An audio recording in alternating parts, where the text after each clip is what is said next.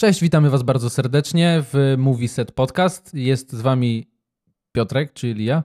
Musisz się zastanowić nad swoim imieniem, bo tak to brzmiało. Nie, bo nie wiedziałem, czy mam przedstawić Ciebie, czy, czy siebie, bo jeszcze tego nie dograliśmy, na to jest czwarty odcinek. To ja jestem Damian, e, witamy. Damian, czy, czyli on. Tak. I dzisiaj porozmawiamy sobie o... Tym, e, w którym kierunku zmierza sprzęt. E, czyli rozpatrzymy kilka różnych dziedzin, w których albo jeszcze jakiejś funkcjonalności na przykład nam brakuje, e, albo te, które są w tym momencie, można jeszcze może być może je dopracować. I w takim razie pierwsze pytanie, uważam, że trudne dla ciebie, Piotrek, na początek, czyli która gałąź albo która dziedzina, konkretnie w sprzęcie, który mamy teraz, najbardziej wymaga dopracowania? Trudne pytanie. Ale wydaje mi się, że dwie, z czego jedna jest mocno przehypowana.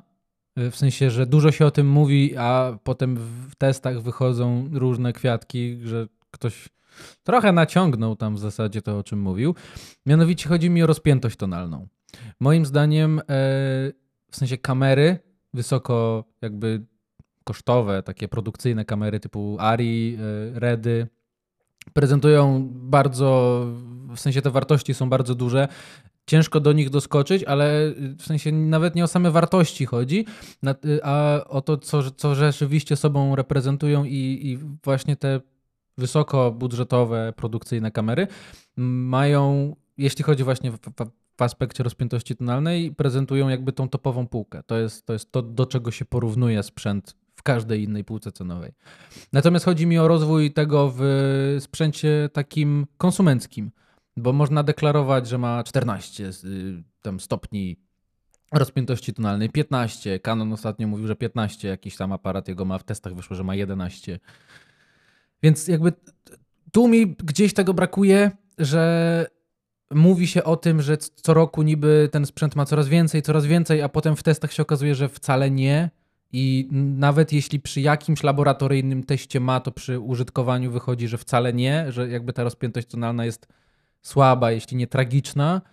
Więc to jest na pewno coś, co mam nadzieję, że będzie rozwijane i będzie rozwijane w tą stronę nie tylko, że będziemy zwiększać cyferki, a będziemy rzeczywiście widzieli to, co za tym idzie, a nie tylko jakby gdzieś, że ktoś powie, że jest więcej. A druga to są baterie, w sensie w ogóle zasilanie kamer i zasilanie aparatów, dlatego że y, sam wiesz, że zasilanie to jest coś, co jest jakby z jednej strony to y, chciałbym połączyć zasilanie i przegrzewanie się sprzętu. Ponieważ y, doszliśmy do tego momentu, gdzie sprzęt, jeśli nie jest aktywnie chłodzony, tak jak, nie wiem, Pocket czy jakakolwiek kamera, która ma wentylator w sobie, e, nie jest w stanie przez dłuższy okres czasu spełniać swojej specyfikacji. Bo się przegrzeje, wyłączy. E, to też wynika właśnie z baterii, że bateria oddaje bardzo dużo ciepła, co też zwiększa temperaturę samego urządzenia. E, więc jakby na pewno przegrzewanie się w sensie sposób chłodzenia, może jakiś pasywny, wodno-pasywny czy cokolwiek, e, ale baterie, żeby te baterie były, niech będą większe, trochę większe. Ok, w sensie jestem w stanie to przeżyć, ale żeby czas pracy na baterii był sensowny. Żeby nie było sytuacji takiej, że bateria wytrzymuje 20 minut w sprzęcie za 15 tysięcy.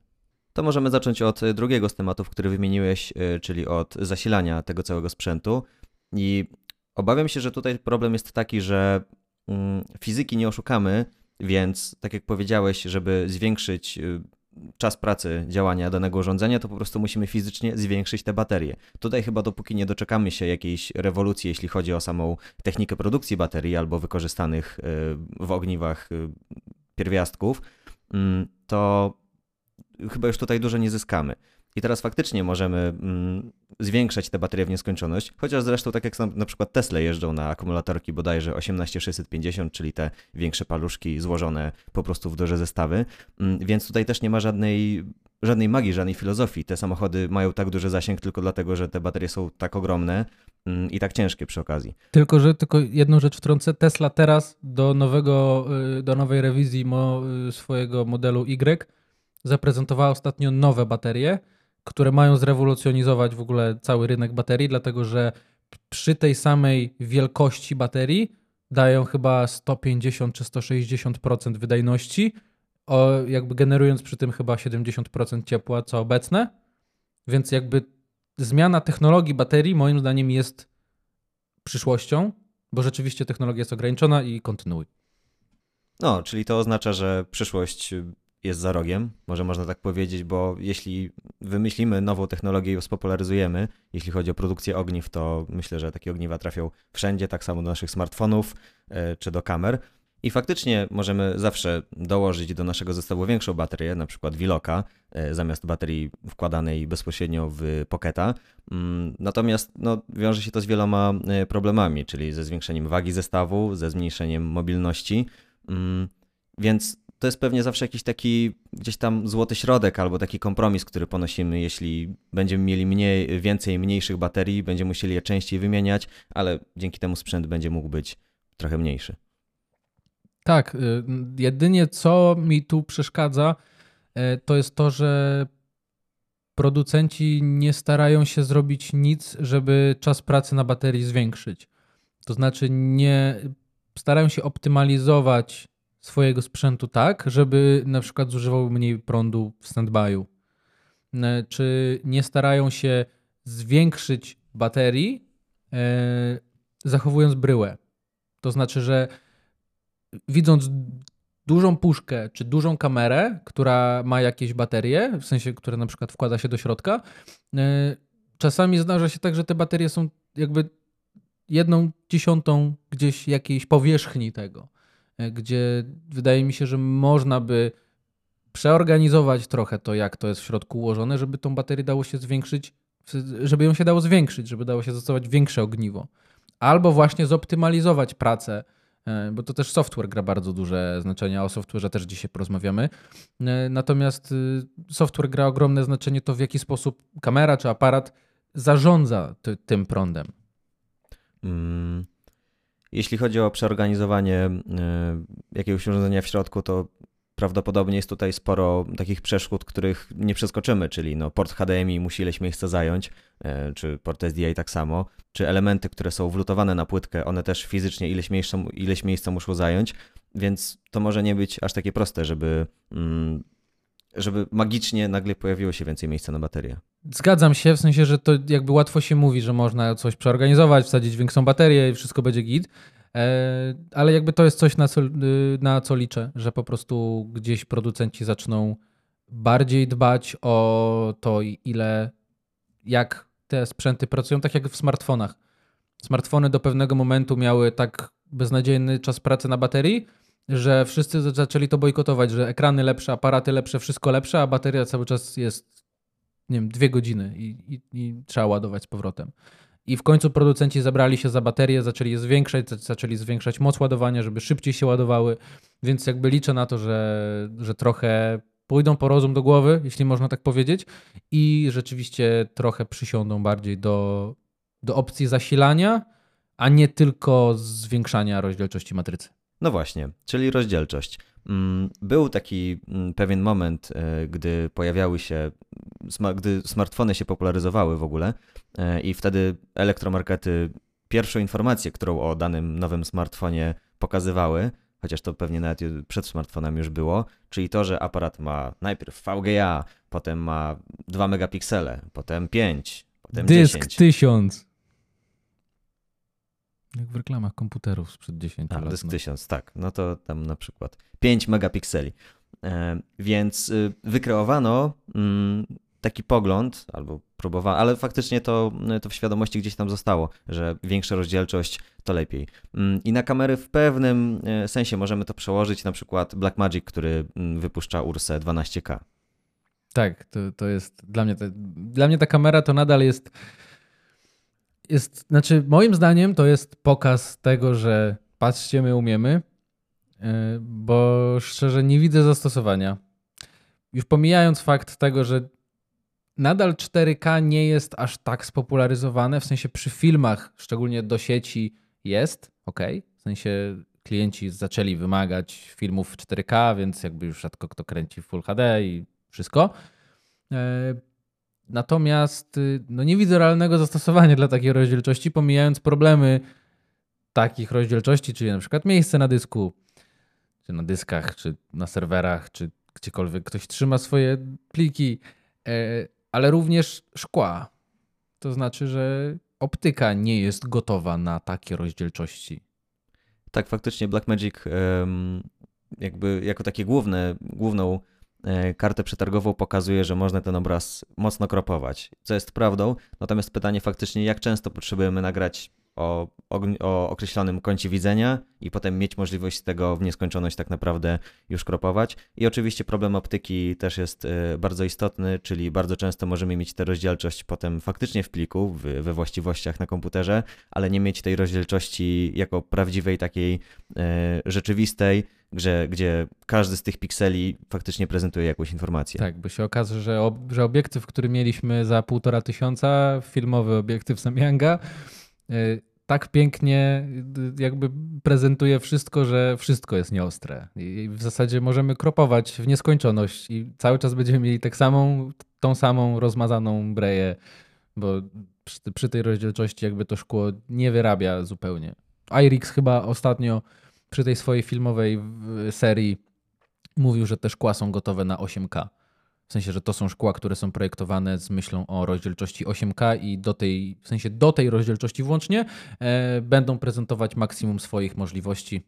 To też wraz z pytaniem, czy tych szkieł można używać z Ursą, w sensie ktoś zapytał chyba dystrybutora czy producenta.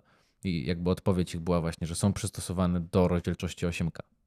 Jeszcze przy okazji trzeba trafić ostrością, ale to już inny temat. Mm, natomiast wracając do tematu rozdzielczości jako takiej, wydaje mi się, że mm, na dużą szkodę tutaj y, zadziałał na przykład YouTube z tego powodu, że materiały na YouTube wrzucane w Full HD są znacznie bardziej kompresowane niż te wrzucane w 4K. I teraz problem jest taki, że bardzo dużo ludzi uważa mm, sygnał o rozdzielczości Full HD za taki mało rozdzielczy, za taki mydlany, natomiast nie wynika to z tego, że te mniej więcej 2 miliony na milion pikseli to jest za mało, ale wynika to z tego, że ten obraz jest tak mocno kompresowany, że faktycznie uzyskujemy dużo mniejszą rozdzielczość wyjściową. Tak, tutaj wydaje mi się, że dobrym y, przykładem do, do potwierdzenia tej tezy, bo wyjątkowo się z Tobą zgadzam, y, jest y, Ari Alexa Classic, która ma rozdzielczość 2K.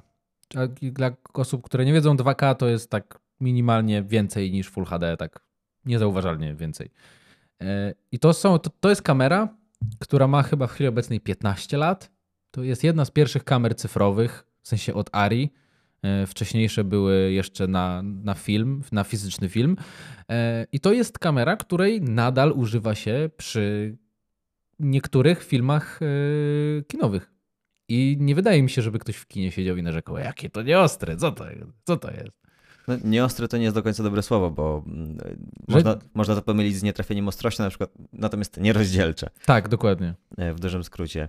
E, no tak samo wiele osób się zachwycało Canonem C100, który też miał tylko e, Full HD, natomiast faktycznie rozdzielcze. Dobrze, to masz czuły mikrofon, będzie to słychać. E, natomiast y, kolejny przykład akurat tutaj sprzętowy, y, Panasonic GH4, którego kiedyś miałem, on nagrywał, miał możliwość nagrywania w 4K, natomiast nagrywał też y, Full HD, obraz, który faktycznie był dobry i rozdzielczy w tym Full HD, w przeciwieństwie na przykład do wielu soniaczy, bez, bez lusterkowców. Chciałem właśnie to powiedzieć. A tak? 6300 Full HD, mydło takie, że się nie da tego użyć. Tak, w których 4K wygląda dobrze, także jesteś zadowolony z efektu. Natomiast gdy chcesz na przykład zaoszczędzić na e, miejscu na dysku, to niestety bardzo wyraźnie tracisz na jakości. Tak, to jest, to jest też jeden z bólów, jakie ja mam używając Pocketa na co dzień. To znaczy, że chcąc nagrywać w jakiejkolwiek innej rozdzielczości niż 6K, muszę się liczyć z różnymi problemami bo w, nagrywając w birawach, no to albo mi dokropuję do matrycy, jeśli chcę zmniejszyć rozdzielczość, a może chcę szeroko, albo kręcę w ProResie, a ja wolę w birawach, więc jakby używanie sprzętu, który jest, ma bardzo wysoką rozdzielczość, y, to nie jest tylko jakby spacerek w parku i wszystko super, bo zawsze wszystko mamy e, w wysokiej rozdzielczości, więc ja, ja również wychodzę z założenia, że rozdzielczość to nie jest wszystko i e, co więcej, że liczy się jakość pikseli, a nie ilość pikseli. Tak, i w, na ten moment w 2022 roku, na przykład w moim smartfonie, dużo bardziej wolałbym mieć faktycznie rozdzielcze Full HD, no, z czym jest problem, niż to takie mocno teoretyczne, muszę powiedzieć, 8K, które teoretycznie mam, ale które gdy ten e, materiał nagramy, potem zobaczymy go na dużym ekranie, to do takiego faktycznego 8K bardzo, bardzo brakuje. Okej, okay, to w telefonie, a, ale co, a co w przypadku sprzętu, którym pracujesz? W sensie, z, zakładając, że taki trochę abstrakcyjny przykład, ale jakbyś mógł używać właśnie Alexy Classic na co dzień do, do pracy przy, przy jakichś produkcjach wideo, e, jakbyś mógł używać Alexy Classic albo dostał e, Reda na przykład 8K, to, to jakby pomijając całą resztę, jeśli chodzi o rodzaj matrycy, o, o jakby o kolory, czy o cokolwiek innego, chodzi mi o jakby workflow i, i rozdzielczość. Czy dla ciebie to by nie było problemu pracować na, na niższej rozdzielczości, kiedy ta matryca jest na tyle dobra, że te Full HD jest takie dobre? No jeszcze musimy oczywiście pominąć e, całą wielkość kamery mm, i wszystko oczywiście. z tym związane. Natomiast jeśli chodzi o samą rozdzielczość, e, to myślę, że w wielu przypadkach faktycznie dobre Full HD by wystarczyło. Jeśli mówimy o wypowiedziach do kamery na przykład i o mm, materiałach, które wiem, których wiem, że nie będę kropował, e, to myślę, że dobre, tylko pod warunkiem, że dobre Full HD faktycznie często by było do dzisiaj dla mnie wystarczające. Szczerze ci powiem, wydaje mi się, że jakby oddać klientowi film yy, jakiś, w sensie coś, co jakąś wideo takie internetowe powiedzmy, bo jakby głównie to się robi do internetu, przynajmniej u nas, yy, to wydaje mi się, że jakby oddać mu taki jakby taki materiał właśnie z Alexy, to spodobałoby mu się to dużo bardziej niż yy, coś nagrane wcześniej, na przykład w 4K. Albo inaczej, że nie zauważyłby różnicy z tego względu, że właśnie jakość tej matrycy jest tak dobra.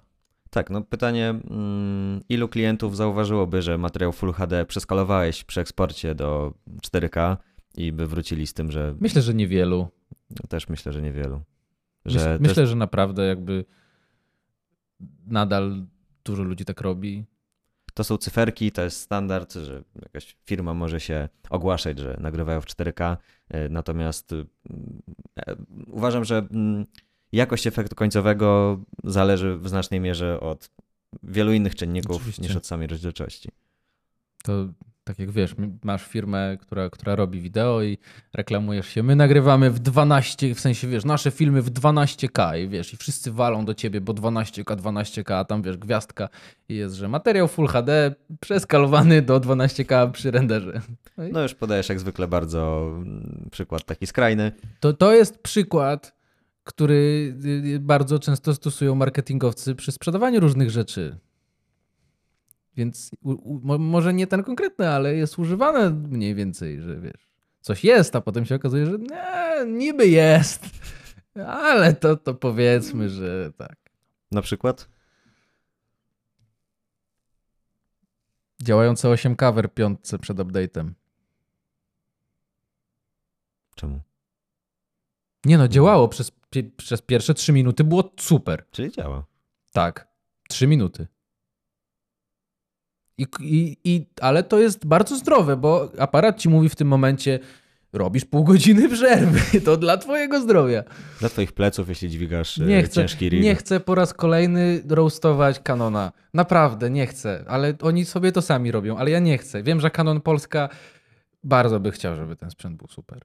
Myślę, że akurat u każdego producenta można by znaleźć jakieś takie gdzieś tam gwiazdeczki, kruczki, które przy, przy produktach, że produkt miał spełniać dokładnie takie funkcje i takie zadania, a gdzieś tam się okazuje, że no nie wszystkie te funkcje działają dokładnie tak, jak byśmy chcieli. To teraz, żeby być fair, Blackmagic ma problemy software'owe bardzo duże i palące się porty HDMI w pocketach, żeby, żeby nie było, że tak wychwalam swój sprzęt, a o innych mówię źle. No akurat palące się porty to bardziej kwestia czy kontroli jakości, czy, czy, sam, czy samej jakości wykonania, natomiast nie akurat innych obietnic. Czy obiecywali, że porty HDMI się nie będą palić? Nie wiem. Jeśli obiecywali, to znaczy, że kłamali. Sony też nie obiecywało, że alfa się nie będzie grzała.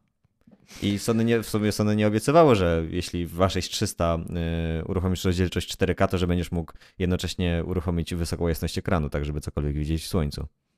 Czyli tylko Canon jest złym w tym wszystkim, to bardzo mi się podoba to stwierdzenie. Dobrze. A powiedz mi, co twoim zdaniem e, powinno być, co powinno być rozwijane? Ja może powiem o temacie, który tak niekoniecznie mm, w takiej linii prostej będzie rozwijany w najbliższym czasie, natomiast możemy po prostu o tym podyskutować, o montowaniu stabilizacji w aparatach czy w kamerach. Nie mówisz o Roninie 4D, prawda? No to był jeden z przykładów, które chciałem podać. A co jest z nim nie tak? Mi przeszkadza w nim jedna rzecz, mianowicie taka, że ona jest, w sensie cały ten koncept jest super. Że mamy kamerę, która ma stabilizację w osi Z. O, super ekstra. Tylko, że to jest tak jak z y, samochodami, które są konceptami. Tak jak, nie wiem, BMW ostatnio pokazało koncept samochodu, który zmienia kolor. I super, i na prezentacji wszystko działa, i wow. I nigdy taki samochód nie wyjedzie na drogę.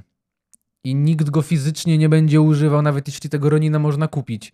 To, to jest gimmick dla geeków, którzy chcą się pobawić, dla recenzentów, żeby pokazać, że coś takiego jest możliwe, że to może mieć nawet fajny obraz, ale to nie jest, jakby wydaje, wydaje mi się, to jest tylko i wyłącznie moja opinia, że nie w tą stronę branża zmierza. W sensie jakby producenci nie będą raczej szli w tą stronę. Jak dla mnie, nawet jeśli ten konkretny model, czyli Ronin 4D, faktycznie jest, no może nie takim typowo konkurencyjnym sprzętem dla innych kamer, które są na rynku, to jest takim według mnie ważne, żeby takie produkty powstawały. Jest to swego rodzaju taki proof of concept, że można coś takiego zrobić i że to ma w ogóle jakieś ręce i nogi, to ma sens działać, czyli umieszczenie kamery na samym końcu po gimbalu i co jest tutaj istotne, e, po wystabilizowaniu dodatkowym, oczywiście w pewnym zakresie w tej osi Z, e, przy czym normalnie jest bardzo duży problem z jakąkolwiek stabilizacją w tej osi, tak? Możemy mieć e, wędkę ze sprężyną dodatkową, czy możemy mieć sprężyny w steadicamie, w, między kamizelką a steadicamem. Natomiast tak poza tym, żaden zwykły gimbal, którego weźmiesz do ręki, mm, nie, nie sprawi, że ta, mm, nie, nie, nie dodaje żadnej stabilizacji e, w obrębie osi Z.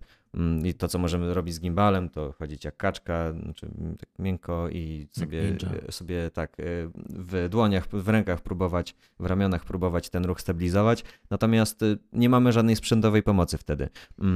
I dlatego ten Ronin, nawet jeśli on fizycznie nie wejdzie do powszechnego użytku i nie będzie tak, że teraz każdy będzie używał czy tego Ronina, czy jego następców, to prawdopodobnie pojawią się rozwiązania konkurencyjne, albo może pojawiły się dodatkowe moduły, albo nowe gimbale, które będą normalnymi gimbalami, na które będzie można założyć e, normalne, większe sprzęty, no bo to jest problem w Roninie, tak? Jeden z tych, że tam jest ograniczony, ograniczona waga tego, co można założyć, ograniczona wielkość tego obiektywu, który możemy założyć, to, że to popchnie rozwój w tym kierunku, że pojawi się więcej rozwiązań e, do tej dodatkowej osi stabilizacji. I dodatkowo wygląda jak kurczak. Tego nie wolno mu zabrać, bo nawet na materiałach promocyjnych porównują go z kurczakiem.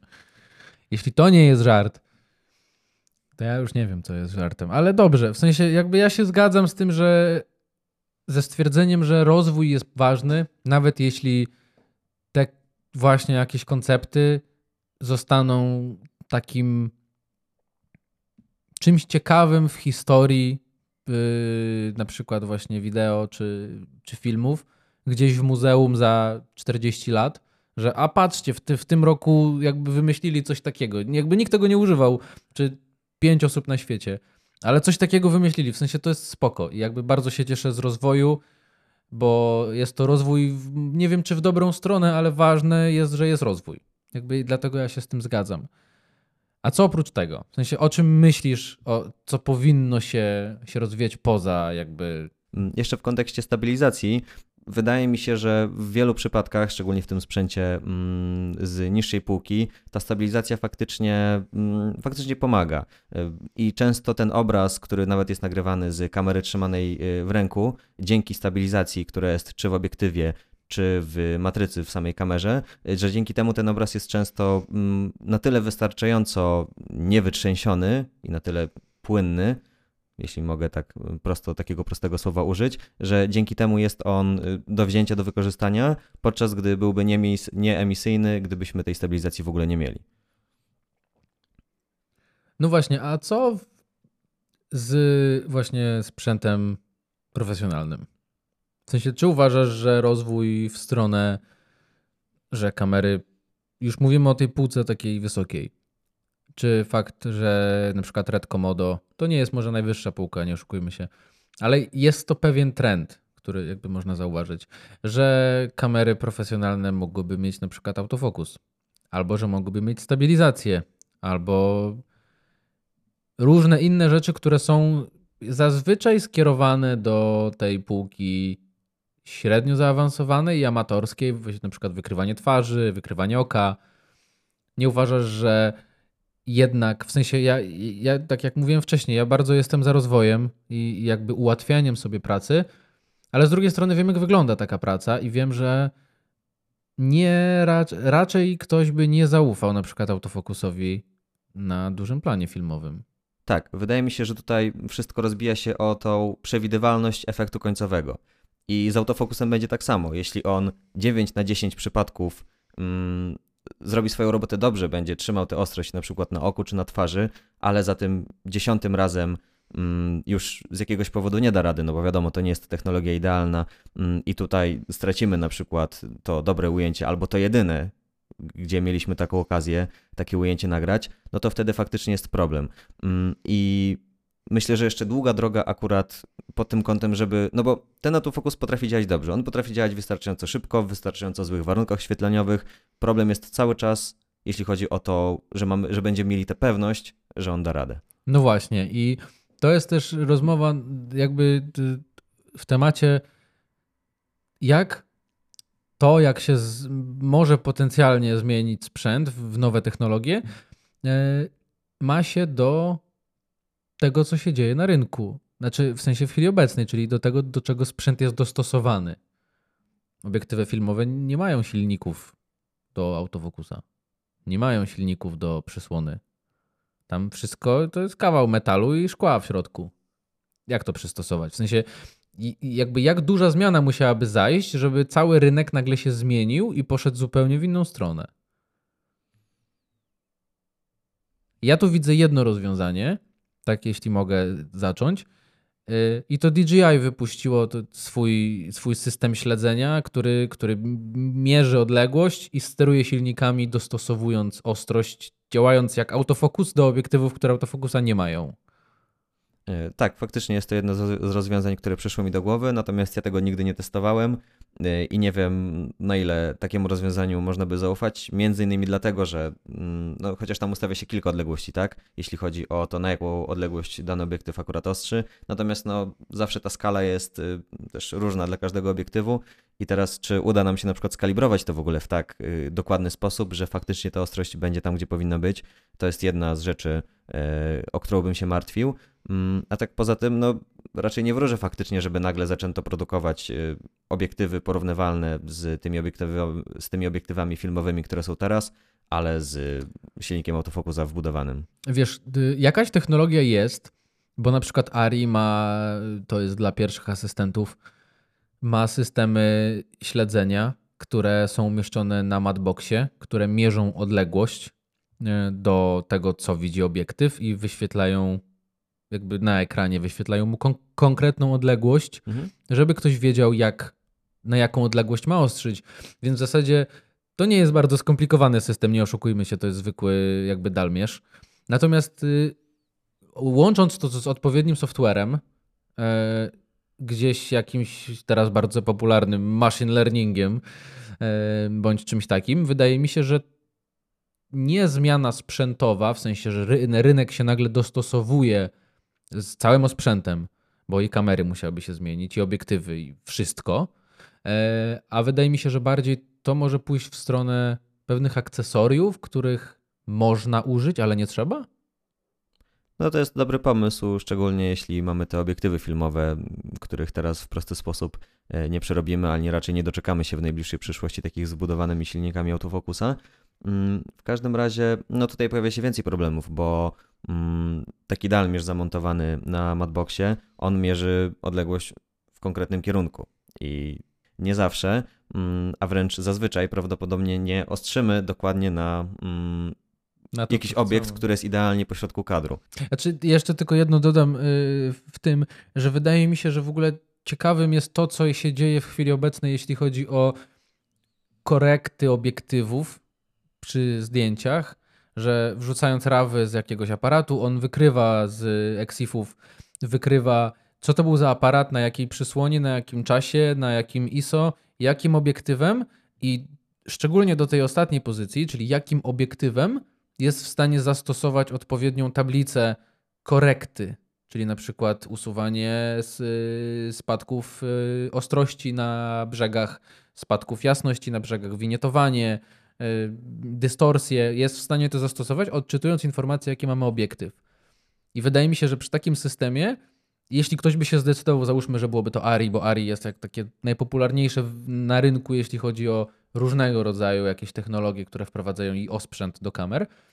Załóżmy, że zdecydowaliby się na skonfigurowanie systemu do na przykład 10 tysięcy najpopularniejszych obiektywów. Myślę, że przesadziłem z tą ilością, ale do x ilości najpopularniejszych obiektywów filmowych. Żeby ustawić je, w sensie, żeby system mając dany profil, wiedział, co to jest, w sensie, żeby ustawiamy mu dany profil i on wie, co to jest za obiektyw, więc odkąd ostrzy, w jakim zakresie, że na przykład tu mamy przejście w tym tempie, przy tym zakresie, jakby, żeby system mógł określić, w jaki sposób ma wyostrzyć, mając już informację, co ma za obiektyw. Znaczy, to, to, tak tylko myślę, że jakby to jest coś, co może gdzieś by się zdarzyło, jeśli ktoś by chciał rzeczywiście taką technologię rozwijać. Zastanawiam się tylko, na ile faktycznie byłoby to usprawnieniem względem kalibracji obiektywu za każdym razem, bo faktycznie pewnie w pewnym stopniu by było, natomiast nie wiem, czy w przeważającym. Mm, natomiast to nie rozwiązuje problemu pewności otrzymanego wyniku. Tak? I tutaj jakby możemy wymyślić bardzo dużo mm, różnych y, technologicznych usprawnień, które spowodują, że y, w jakiś sposób zaprzęgniemy ten autofokus do naszej pracy, ale wciąż y, ten, jakby ten problem na, na ten moment jak dla mnie jest nierozwiązywalny. Tak, no i to, to jest też kwestia, że jakby wprowadzić autofokus, to dużo osób pracę by straciło. No ten sposób y, nie do końca można patrzeć, no bo w ten sposób nie zautomatyzowano by żadnej fabryki na przykład. Y, ja wiem, ja wiem, ale jakby ja nie lubię tego argumentu po prostu. Wiesz o co prze, chodzi. Przerzuca się element ludzki wtedy w inne y, miejsca, gdzie on jest zdecydowanie bardziej potrzebny. I tak nas wszystkich zastąpią roboty. Co za różnica. Właśnie, więc porozmawiajmy, bo ja mam jakby jeden temat odnośnie robotów, przejmowania świata i tego wszystkiego. Jak myślisz, że będzie wyglądała produkcja filmów takich wysokobudżetowych, nie wiem, blockbusterów, czy, czy, czy w ogóle hollywoodzkich filmów, jakby profesjonalnych setów za 10 lat? Nie chcę dokładnych opisów, mniej więcej, w sensie co się zmieni względem tego, co jest teraz. Myślę, że będzie wyglądała podobnie. Między innymi z tego powodu, że wypracowane rozwiązania, które działają przez tyle lat, będą działać dalej. Były różne pomysły po drodze, na przykład filmy w trójwymiarze. Które się nie sprawdziły. Albo w 48 klatkach na sekundę które też się nie sprawdziło. Które były ciebie. dziwne do oglądania. Bo ty na pewno chciałeś użyć jakichś dużo mocniejszych słów. Mm, I no tak samo telewizory z funkcją trójwymiaru były wprowadzane do domów e, i jakby to był element, który w pewnym momencie bardzo reklamował wszystkie telewizory. Jak tam idzie tym telewizorom teraz? No miałem taki, już nie mam. Dziękuję. Idziemy dalej. E, czy ty masz jakiś konkretny aspekt, w którym myślisz, że ta produkcja się faktycznie zmieni w przeciągu 10 lat? Tak. Może nie wiem, czy 10, czy nie odrobinę więcej, ale wydaje mi się, że już mało kto będzie pracował na planie. Czy w ogóle będą plany filmowe? Opisz mi. Yy... Dlatego, że w chwili obecnej technologia CGI jest tak rozwinięta, że patrząc na to, co oferuje na przykład, i to nie jest reklama w żaden sposób, Unreal Engine 5, który dla takiego domowego użycia, niezarobkowego, jest totalnie za darmo. Jako pierwszy tego typu silnik w ogóle w sensie wcześniejsze, jakby trzeba było licencję płacić, ale nieważne. Można go sobie ściągnąć i każdy może się nauczyć robić tam nie tylko gry, ale też grafiki, rendery, filmy, wszystko. Więc korzystając z bibliotek asetów, które są y, bardzo często to jest fotogrametria, czyli jakby skanowanie fizycznych obiektów do trójwymiaru, żeby można ich było użyć w świecie wirtualnym. Y, używając bardzo wysokiej jakości asetów, skanując ludzi, w sensie jakby ich twarze i robiąc mock-upy, robiąc, jak to się nazywa, to śledzenie ruchów. Motion tracking. Motion, motion capture, dokładnie. Znaczy tak, jedno i drugie to to samo.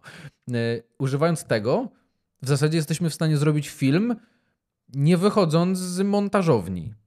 Tak naprawdę trochę. W sensie w jednym budynku mamy gdzieś studio motion capture, gdzie aktorzy użyczają swoje mimiki, swojej twarzy, są skanowani, e, wykonują jakieś wszystkie ruchy do momentu, kiedy nie będzie się dało tego zrobić komputerowo i będzie to bardzo autentyczne. I możesz mieć setup na przykład, nie wiem, Alaski, możesz mieć setup pustyni, możesz mieć setup kosmosu, czego chcesz i będzie to wyglądało tak, jakby to było nakręcone, bo i tak teraz w filmach szczególnie tych wysokobudżetowych, większość takich scen, jak nie wszystkie praktycznie, to jest CGI, ale jakby możliwość wykorzystania jakiegokolwiek otoczenia, żeby nie musieć jechać na drugi koniec świata do dżungli, tylko robisz sobie dżunglę w internecie, w sensie u siebie w komputerze, to jest moim zdaniem przyszłość. I boję się o swoją pracę trochę z tego względu, bo e, patrząc na to, co się dzieje, patrząc na przykład, jak był kręcony Mandalorian, nie wiem, czy wiesz. Oglądałeś Mandaloriana? Pewnie nie, bo Disney Plus nie ma w Polsce, a to tylko nielegalnie można było oglądać. Dlatego ja nie oglądałem. Ja też nie oglądałem, ale widziałem. Ale kolega ci mówił. Ale kolega mi mówił i kolega mi też yy, wysłał link, taki śmieszny link do YouTube'a, gdzie pokazali, jak Mandaloriana kręcili. A kręcili go właśnie z użyciem Unreala i ogromnych paneli LEDowych, o, ogromnych ekranów, gdzie one były podpięte do komputera, gdzie był odpalony silnik gry i na kamerze był specjalny czujnik, który wykrywał ruch kamery i obracał tło, żeby uzyskać efekt paralaksy, żeby, żeby jakby to, że to się rusza, było naturalne i nikt tego nie zauważył. I dzięki temu dużo scen nakręcili w studio, projektując sety właśnie w komputerze. Tak, tylko zacząłeś taką bardzo utopijnym, utopijną wizją, mm, czyli że nawet aktorzy będą zastąpieni e, CGI-em, Natomiast no, skończyłeś czymś, co faktycznie ma teraz miejsce, czyli zastępowanie e, budowania całej scenografii albo jechania na lokacje dużymi panelami LEDowymi. Mm, natomiast y, używanie tych paneli dalej nie zastępuje mm, obecności człowieka, czyli aktora na miejscu. I to jest według mnie jeszcze ta spora różnica, bo mm, w tym jest duży problem, tak, żeby tak odwzorować y, nie tylko wygląd człowieka, ale jego zachowanie, może przede wszystkim zachowanie, żeby ktoś dał się nabrać, że, że to nie jest postać wygenerowana komputerowo. Pytanie, oglądałeś Gwiezdne Wojny Rogue One? Oglądałem. Jeden z komandorów, którego nie mogę sobie przypomnieć, jak ta postać się nazywała, e, był komputerowy. Nie. Y, w sensie na planie był aktor, który był jakby trochę placeholderem dla tego, że i to aktor, który nie żyje. Więc nie było motion capture, nie było zgrywania mimiki, nie było zgrywania ruchów. Oni mieli zapisane w bazie jakieś wcześniejsze jego nagrania, w sensie jakby te sesje motion capture i na podstawie tego zrobili w pełni cyfrową postać. Jakby w, w, ożywili aktora. I dokładnie, znaczy może nie dokładnie to samo, bo yy, Mark Hamill żyje, natomiast tutaj będzie spoiler z, z Mandaloriana. Na koniec pierwszego sezonu yy, pojawia się tam młody Luke Skywalker, a wiadomo, jakby wiemy, że Mark Hamill jest już leciwym mężczyzną. Tam akurat to wszyscy trochę narzekali, że jakby nie wygląda to dobrze, ale nadal postać, która nie wygląda w ten sposób, wygląda w ten sposób przez to, co zostało z nim zrobione. Więc stąd moje jakby delikatne zaniepokojenie tym, że w, przy, rozwoju tej technologii za jakiś czas możemy zacząć oglądać filmy na przykład z, nie wiem, Michaelem Jordanem, znowu kosmiczny mecz, jeśli umrze. Znaczy on żyje. Z Michaelem Jacksonem, czy z jakimkolwiek innym aktorem, który aktorem bądź osobą, która na przykład nie żyje, albo to też rodzi pytanie, jak to w sensie moralnie, ale to nieważne. I pod kątem tantiem. Tak. Natomiast jakby stąd y, jakby przyszedł mi do głowy ten temat, że technologia rozwinęła się do, już do tego poziomu, że w zasadzie nie potrzebujemy aktora, żeby mieć aktora w filmie. I żeby nikt nie zauważył, że ten aktor, jeśli ja oglądałem, oglądając ten film, nie wiedziałem, że ten aktor nie żyje. I nie zauważyłem różnicy. Dowiedziałem się oglądając jakieś recenzje, gdzie ludzie powiedzieli, że no całkiem nieźle go jakby ożywili, a ja tak o co chodzi? On tam był, przecież go widziałem, tak? Więc moim zdaniem technologia pójdzie do przodu na tyle, że jakby praca przy filmie będzie dużo bardziej pracą jakiegoś e, motion designera niż, e, niż ekipy, która na planie pracuje.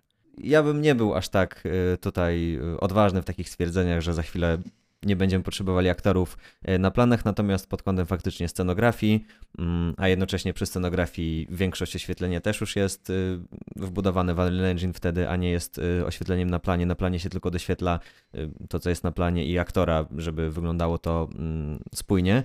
Mm, więc może nie aż tak szybko, jak ty uważasz, ale faktycznie w tym kierunku to może pójść. Przerażające. Albo fascynujące. Ale to w świecie, gdzie wszystko będzie w CGI, ja będę tym jednym, co będzie wesela kręcił nadal na starej Alfie i będę mu, ja robię oldschoolowo, nie zrobię wam wesela w Unrealu, zrobię wam wesele naprawdę. Ale w 12K jak odpowiednio wyrenderuję materiał, to i, to i w 20K. Okej, okay, więc y, czy chciałbyś coś jeszcze dodać? Kończymy. Super. Także dziękujemy Wam bardzo serdecznie za wysłuchanie czwartego odcinka Set Podcast. Słyszymy się następnym razem. Z Wami był Piotrek, czyli ja. I Damian, czyli ja. Do zobaczenia i do usłyszenia. Na razie, cześć.